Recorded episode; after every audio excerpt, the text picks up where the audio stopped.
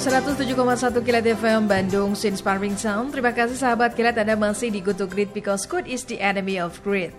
Dan kita sudah masuk ke sesi diskusi bersama dengan saya Aska Said dan kali ini kita akan mengangkat tema menyongsong era new normal. Apa yang harus diperhatikan dan tidak boleh dilanggar.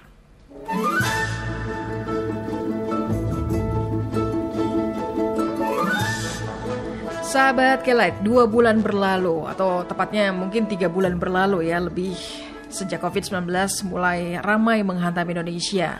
Imbauan untuk berdiam di rumah saja kini sudah berganti menjadi ajakan untuk berdamai dengan virus corona. The new normal istilahnya, artinya kegiatan ekonomi, pendidikan, maupun sektor-sektor lain dalam kehidupan sudah dipersiapkan agar bisa kembali bergeliat tapi dengan modifikasi tertentu agar penyebaran penyakit ini bisa tetap berkurang ya sahabat gelat. Satu hal yang perlu ditekankan adalah uh, meski mall, sekolah, tempat-tempat publik dan lainnya sudah kembali dibuka, virus corona masih tetap ada. Jadi, jika kita tetap tidak bisa melakukan semua kegiatan seperti sebelum pandemi terjadi, kita perlu mengubah uh, pola pikir dan uh, mengubah pola pikir dari berangan-angan. Sepertinya uh, kita mungkin beberapa di antara kita atau saya sendiri juga berangan-angan kalau pandemi selesai seandainya saya akan uh, begini begini begini begini. Nah, itu menjadi menerima kenyataan bahwa pandemi tidak akan benar-benar berakhir hingga vaksin COVID-19 ini ditemukan. Jika melihat perkembangan penelitian yang sedang berlangsung di seluruh dunia, para ahli memprediksi vaksin corona baru akan ada paling cepat pertengahan tahun 2021. Idealnya, konsep the new normal baru dapat dilakukan saat kurva infeksi sudah melandai dan menandakan jumlah kasus COVID-19 baru sudah berkurang setiap harinya. Di Indonesia, kurva ini sama sekali belum landai, sahabat kelet bahkan masih terus menanjak dan bisa jadi belum sampai puncak. Karena itu dengan adanya pembukaan kembali fasilitas publik, masyarakat Indonesia perlu lebih waspada. Jika tiba waktunya, Anda harus kembali bekerja di kantor atau si kecil sudah kembali bersekolah. Pencegahan penyebaran COVID-19 jangan malah menjadi kendur. Nah, sahabat kilat guna untuk membahas perbincangan kita di pagi hari ini, kami menghadirkan narasumber Ibu Profesor Dr. Kerry Lestari, SSI MSI APT, selaku Guru Besar Bidang Farmakologi dan Farmasi Klinik Unpad dan Ketua Gugus Tugas Penanggulangan COVID-19 Ikatan Apoteker Indonesia.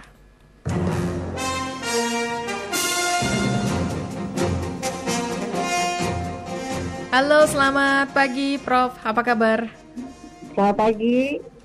Alhamdulillah baik, salam sehat selalu. Luar biasa. Mbak Aska ya. dan sahabat Kilat. Iya, luar biasa sekali. Prof, terima kasih di pagi hari ini Anda sudah berkenan untuk diajak berbincang-bincang bersama dengan kami dan juga sahabat K-Light. Ya, insya Allah. Iya, Prof, ini um, Bandung, uh, Bandung pasca PSBB menjadi salah satu kota yang menyongsong new normal. Bagaimana kalau Anda melihat aktivitas warga dalam beberapa hari terakhir? Sudah siapkah mereka di era new normal dengan tetap menjalankan protokol kesehatan menurut Anda? Uh, jadi begini, new normal itu adalah bagian dari proses untuk reaktivasi ekonomi. Mm -hmm. Jadi untuk mereka yang memang menjalankan atau bagian dari reaktivasi ekonomi maka melaksanakan uh, yang kita sebut sebagai tatanan kehidupan baru atau adaptasi kebiasaan baru mm -hmm. yang kemudian dikenal juga sebagai new normal. Namun kalau kita lihat menuju ke new normal ini tidak bisa kita uh, katakanlah menyamaratakan semua area atau semua wilayah. Karena untuk reaktivasi ekonomi ini memerlukan beberapa indikator lain agar reaktivasi ekonomi ini tidak menjadikan pandemiknya menjadi muncul kembali yang kita sebut sebagai second wave atau bahkan mungkin memburuk. Karena ada resiko jika terjadi uh, perburukan dari pandemik itu, maka sejauh mana dari kita semua bersama-sama dengan pemerintah bisa survive menangani pandemik ini. Itu dulu ya yang dipahami. Yeah. Jadi new normal ini adalah dalam koridor untuk reaktivasi ekonomi.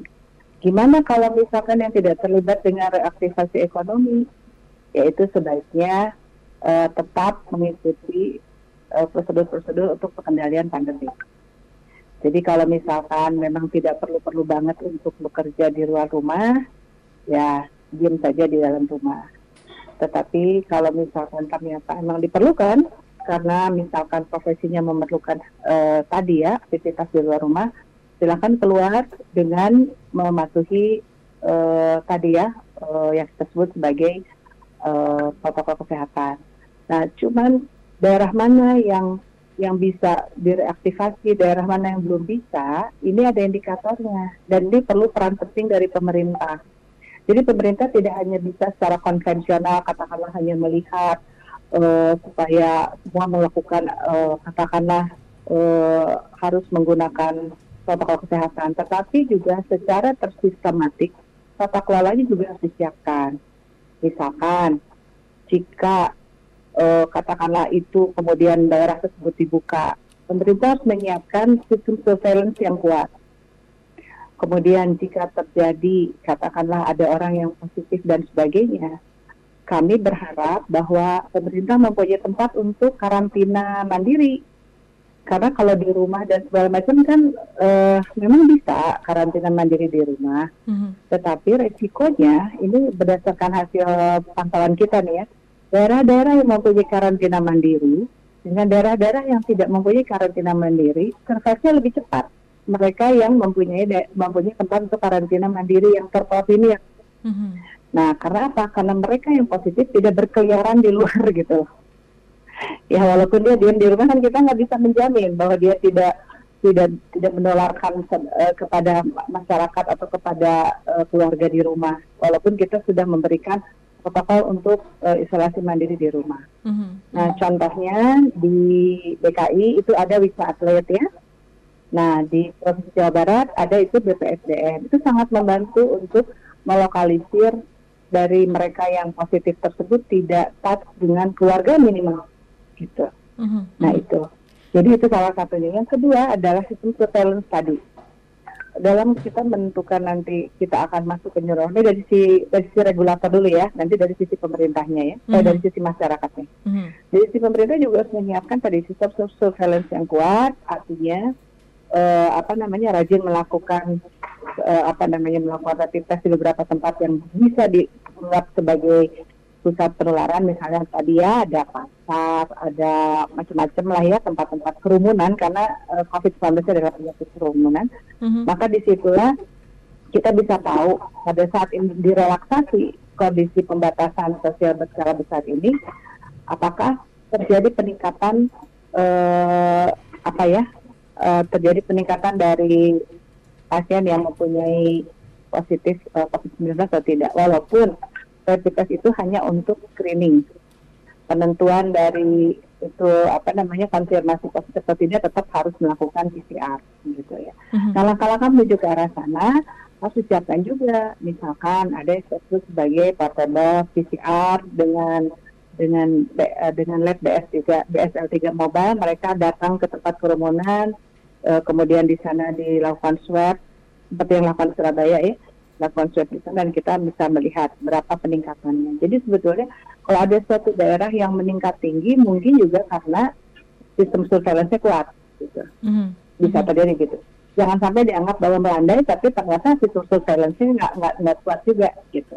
Mm-hmm. Nah itu tadi ya sistem surveillance. Terus kedua jika ini kemudian direlaksasi kita kita mendapatkan kesempatan untuk adaptasi yang normal tersebut sejauh mana fasilitas kesehatan kita siap jika terjadi lonjakan karena relaksasi tersebut. Jadi tetap aja pada saat kita e, merelaksasi sebuah daerah, daerah itu tetap harus lebih siap fasilitas kesehatannya. Karena kita harus berhadapan dengan risiko second wave ya. Gitu. Nah, selanjutnya adalah dari yang paling utama, suatu daerah bisa mengikutinya normal kalau secara epidemiologi sudah terkendali jadi misalkan e, masyarakat di sana itu tadi temuan untuk untuk apa kasus positifnya sudah melandai dengan uh, tadi ya tes masif tadi bukan mm. berarti melandai karena nggak dites juga gitu mm-hmm. gitu ya mbak Aska iya, itu iya. dari sisi pemerintah ya dari sisi regulator seperti itu mm-hmm. nah dari sisi masyarakat tadi saya sampaikan bahwa satu pemerintah juga menyiapkan kita sebut sebagai um, strategi komunikasi di masa krisis nah strategi komunikasi di masa krisis ini sangat dipentingkan kenapa karena yang dipentingkan di masyarakat saat ini ada, ada stigma nih kalau misalnya ada orang yang positif, takut untuk ngaku karena malas untuk di karantina atau dikucilkan oleh masyarakat sekitar karena masyarakat sekitar takut berhubungan. Iya. Yeah. Itu satu stigma tuh ya. Bahayanya dari stigma itu adalah jadi orang-orang yang positif ini satu tidak mau mengakui atau kedua masyarakat kan sudah mulai ada tuh yang menolak di rapid ya. Iya. Nggak mau gitu karena kalau ketahuan misalnya reaktif dia harus tes lagi dia harus karantina dan sebagainya mm-hmm. justru kesadaran bahwa pengendalian pandemik itu harus kerjasama antara masyarakat dengan pemerintah bukan berarti mendinai bahwa masa bahwa penyakit ini tidak ada karena tidak mau diperiksa tetapi menghadapi ini bersama-sama bagaimana supaya kita memposisikan pada mereka yang positif ini justru ditolong bukan ditinggal bukan ditinggalkan. Bukan dikucilkan ya. Bukan dikucilkan. Jadi yang dikucilkan tuh virusnya bukan pasiennya. Gitu. bukan orangnya. Bukan orangnya gitu ya.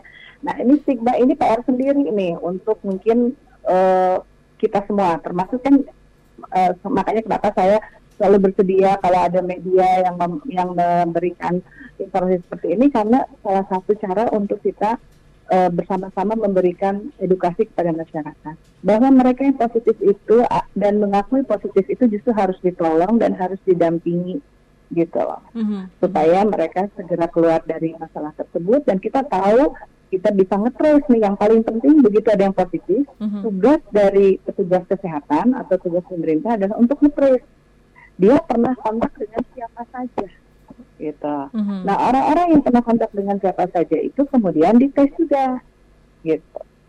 Nah jangan sampai orang-orang yang pernah yang pernah uh, kontak dengan dengan mereka itu malah ditugaskan yang lain gitu loh.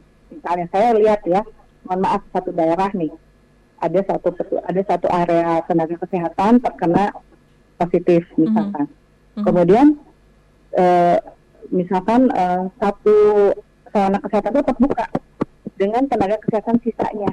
Jadi kayaknya kurang pas. Berarti kalau si tenaga kesehatan sisanya itu pernah pernah kontak dengan si orang yang positif tersebut, maka dia kan ODP. Iya. Yeah. Betul nggak? Nah, yeah. jadi apakah yang ODP itu melayani masyarakat tentu juga dapat, gitu ya.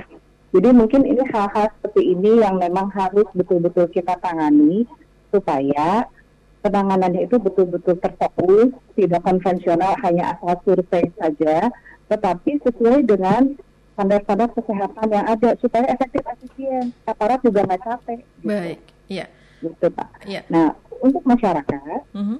intinya yang keluar itu adalah mereka yang memang ada hubungan dengan reaktivasi ekonomi tersebut, atau mereka memang terpaksa keluar karena misalkan untuk kebutuhan di rumahnya Nah, ada juga nih inovasi mulai terjadi nih di masyarakat. Jadi kan kalau yang vulnerable atau yang berisiko tinggi itu adalah mereka yang usia tua ya, maksudnya atau atau yang uh, senior citizen lah, jangan dibilang usia tua, jangan dibilang lansia. Jadi eh, apa ya eh, masyarakat senior lah katakanlah di atas 60 tahun. Mm-hmm. sehingga mereka itu para para eh, anak muda di sekitarnya ibu-ibu muda tersebut ngumpulin nih di beberapa rumah mau belanja apa nanti dikoordinir bareng kan lucu ya seperti itu. Mm-hmm. jadi ada semacam eh, apa awareness bersama-sama solidaritas bisa seperti itu. Baik baik. Nah jadi yang kalaupun yang keluar ya seperti biasa harus mengikuti uh, protokol kesehatan, mm-hmm. pakai masker, menjaga kebersihan tangan, gitu ya. Kemudian kalau pulang harus bersih-bersih dan baru kita uh, kemudian beraktivitas kembali di rumah. Kalau informasi itu kan udah banyak ya. Iya. Prof, gitu. ini uh, menurut Anda dari beberapa sektor apa yang sudah siap dan sektor mana yang masih belum siap untuk menyambut new normal ini? Ya, jadi bukan masalah kesiapan atau tidak siapnya, tetapi kita yang kita sebutkan tadi ya, saya kembalikan bahwa normal ini adalah untuk reaktivasi ekonomi. Sehingga kita melihat mana yang low risk tetapi high impact gitu ya. Itu yang kita aktifasi duluan. Mm-hmm. Misalnya low risk dan, dan high high impact itu katakanlah eh, apa namanya perusahaan-perusahaan yang sifatnya terkait dengan dengan apa namanya dengan peningkatan eh, reaktivitas ekonomi yang mempunyai impact yang tinggi di antaranya keuangan perbankan kan harus buka tuh mm-hmm. gitu kemudian telekomunikasi apalagi sekarang kan kita semua uh, apa berkoneksi, berkoneksi menggunakan uh, media telekomunikasi. Kemudian layanan air bersih, listrik dan gas. Kemudian juga industri, apalagi industri yang terkait dengan industri obat, industri makanan, gitu ya, itu harus dijaga sustainability-nya. Berikutnya adalah pasokan untuk makanan, misalnya sektor-sektor pertanian, perikanan, peternakan, perkebunan, dan sebagainya. Dan selanjutnya adalah transportasi, gitu ya. Nah, Sementara itu yang high risk ya, tapi low impact mm-hmm. seperti misalnya pendidikan, kemudian juga uh, apa namanya tuh katakanlah tadi layanan masyarakat yang terkait dengan kayak uh, bukan bukan kebutuhan pokok ya seperti mm-hmm. dan sebagainya itu tuh paling akhir di, dilakukan reaktivasinya. Mm-hmm.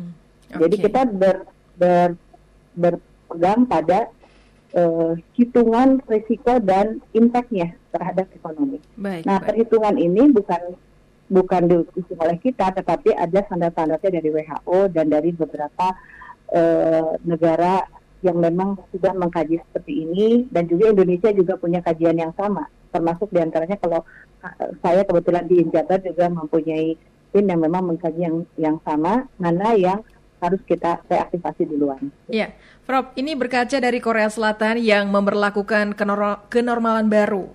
Namun tiba-tiba uh, muncul kasus baru dan banyak jumlahnya. Apa ini pelajaran berharga yang bisa kita petik dari Korea Selatan, Prof? Pelajaran berharganya adalah mereka siap dengan sistem surveillance.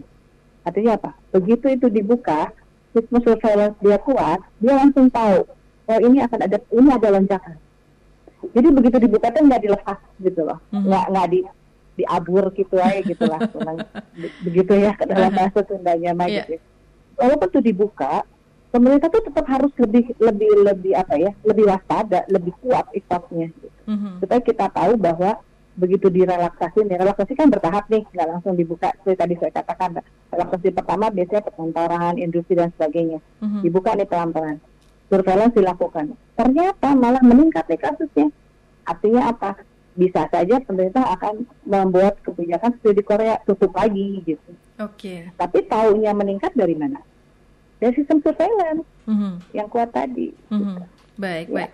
Prof, yang terakhir, secara singkat saja ini sebagai edukasi pada masyarakat luas. Lantas apa kunci aman dalam menjalankan new normal agar tidak gagal paham, Prof?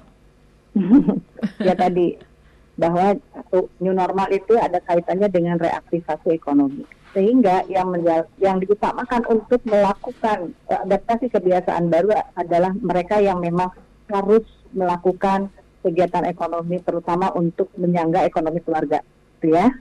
Nah kalau yang tidak gimana? Yang tidak tetap saja mengikuti uh, apa ya tatanan uh, pengelolaan pandemik yang diam di rumah membatasi keluar dan sebagainya.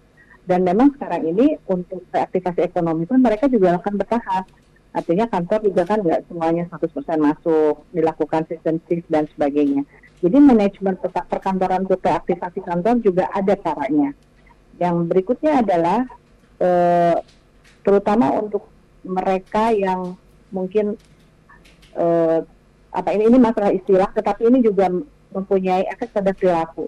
Jadi hmm berkata new normal itu berarti oh udah normal lagi saya bisa ngafe lagi. Misalnya saya bisa ngemol lagi bukan begitu. Mm-hmm. jadi saya setuju dengan dengan apa namanya yang disampaikan oleh pemerintah provinsi Jawa Barat bahwa mari kita adaptasi kebiasaan baru gitu. Atau adaptasi kehidupan baru. Jadi kalau keluar ini jangan lupa bawa masker kurang lebih seperti itu. Yeah. nah kemudian juga untuk masyarakat bahwa kalau tidak terlalu penting tidak perlu keluar tapi kalau misalnya memang harus keluar, protokol kesehatan sudah banyak disosialisasikan. Jadi tetap optimis, tetap tetap apa namanya semangat bahwa kapan sih berakhirnya COVID-19 ini mari kita sekarang tingkatkan ketangguhan dan kesiapan kita untuk menghadapi tantangan karena belum tentu sesudah COVID ini nggak ada lagi wabah yang lain. Kan namanya kehidupan kita nggak tahu ya. Iya, iya. Yang penting mah kita tetap siap dan sekali lagi COVID-19 ini adalah self-limited disease. Baik. Artinya sebetulnya kalau daya tahan tubuh kita kuat, maka e, tubuh sendiri mempunyai cara untuk menghadapi penyakit ini. Seperti halnya kita kena flu, kurang lebih begitu. Namun ini akan menjadi masalah jika daya tahan tubuh kitanya tidak kuat dan ada komorbid atau komorbid itu adalah penyakit yang menyertainya. Sehingga dengan kita tahu dari karakter penyakit ini, maka pertama PR kita adalah meningkatkan daya tahan tubuh.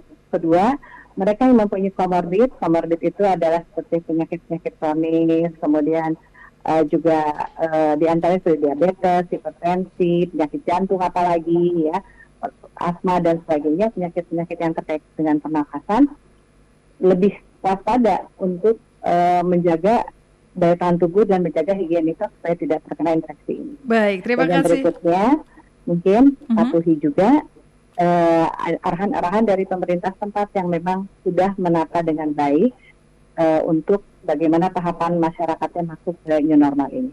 Terima kasih. Baik, baik Prof. Terima kasih untuk perbincangan singkatnya. Sayangnya waktu kita terbatas. ya, sukses untuk anda ya, dan apa -apa. selamat beraktivitas kembali, Prof. Ya, terima kasih. Assalamualaikum, salam sehat buat semua. Waalaikumsalam warahmatullahi wabarakatuh. Demikian sahabat kredit perbincangan kita bersama dengan narasumber Ibu Profesor Dr. Kerry Lestari, SSI MSI APT, yang merupakan guru besar bidang farmakologi dan farmasi klinik Unpad dan Ketua Gugus Tugas Penanggulangan COVID-19 Ikatan Apoteker Indonesia.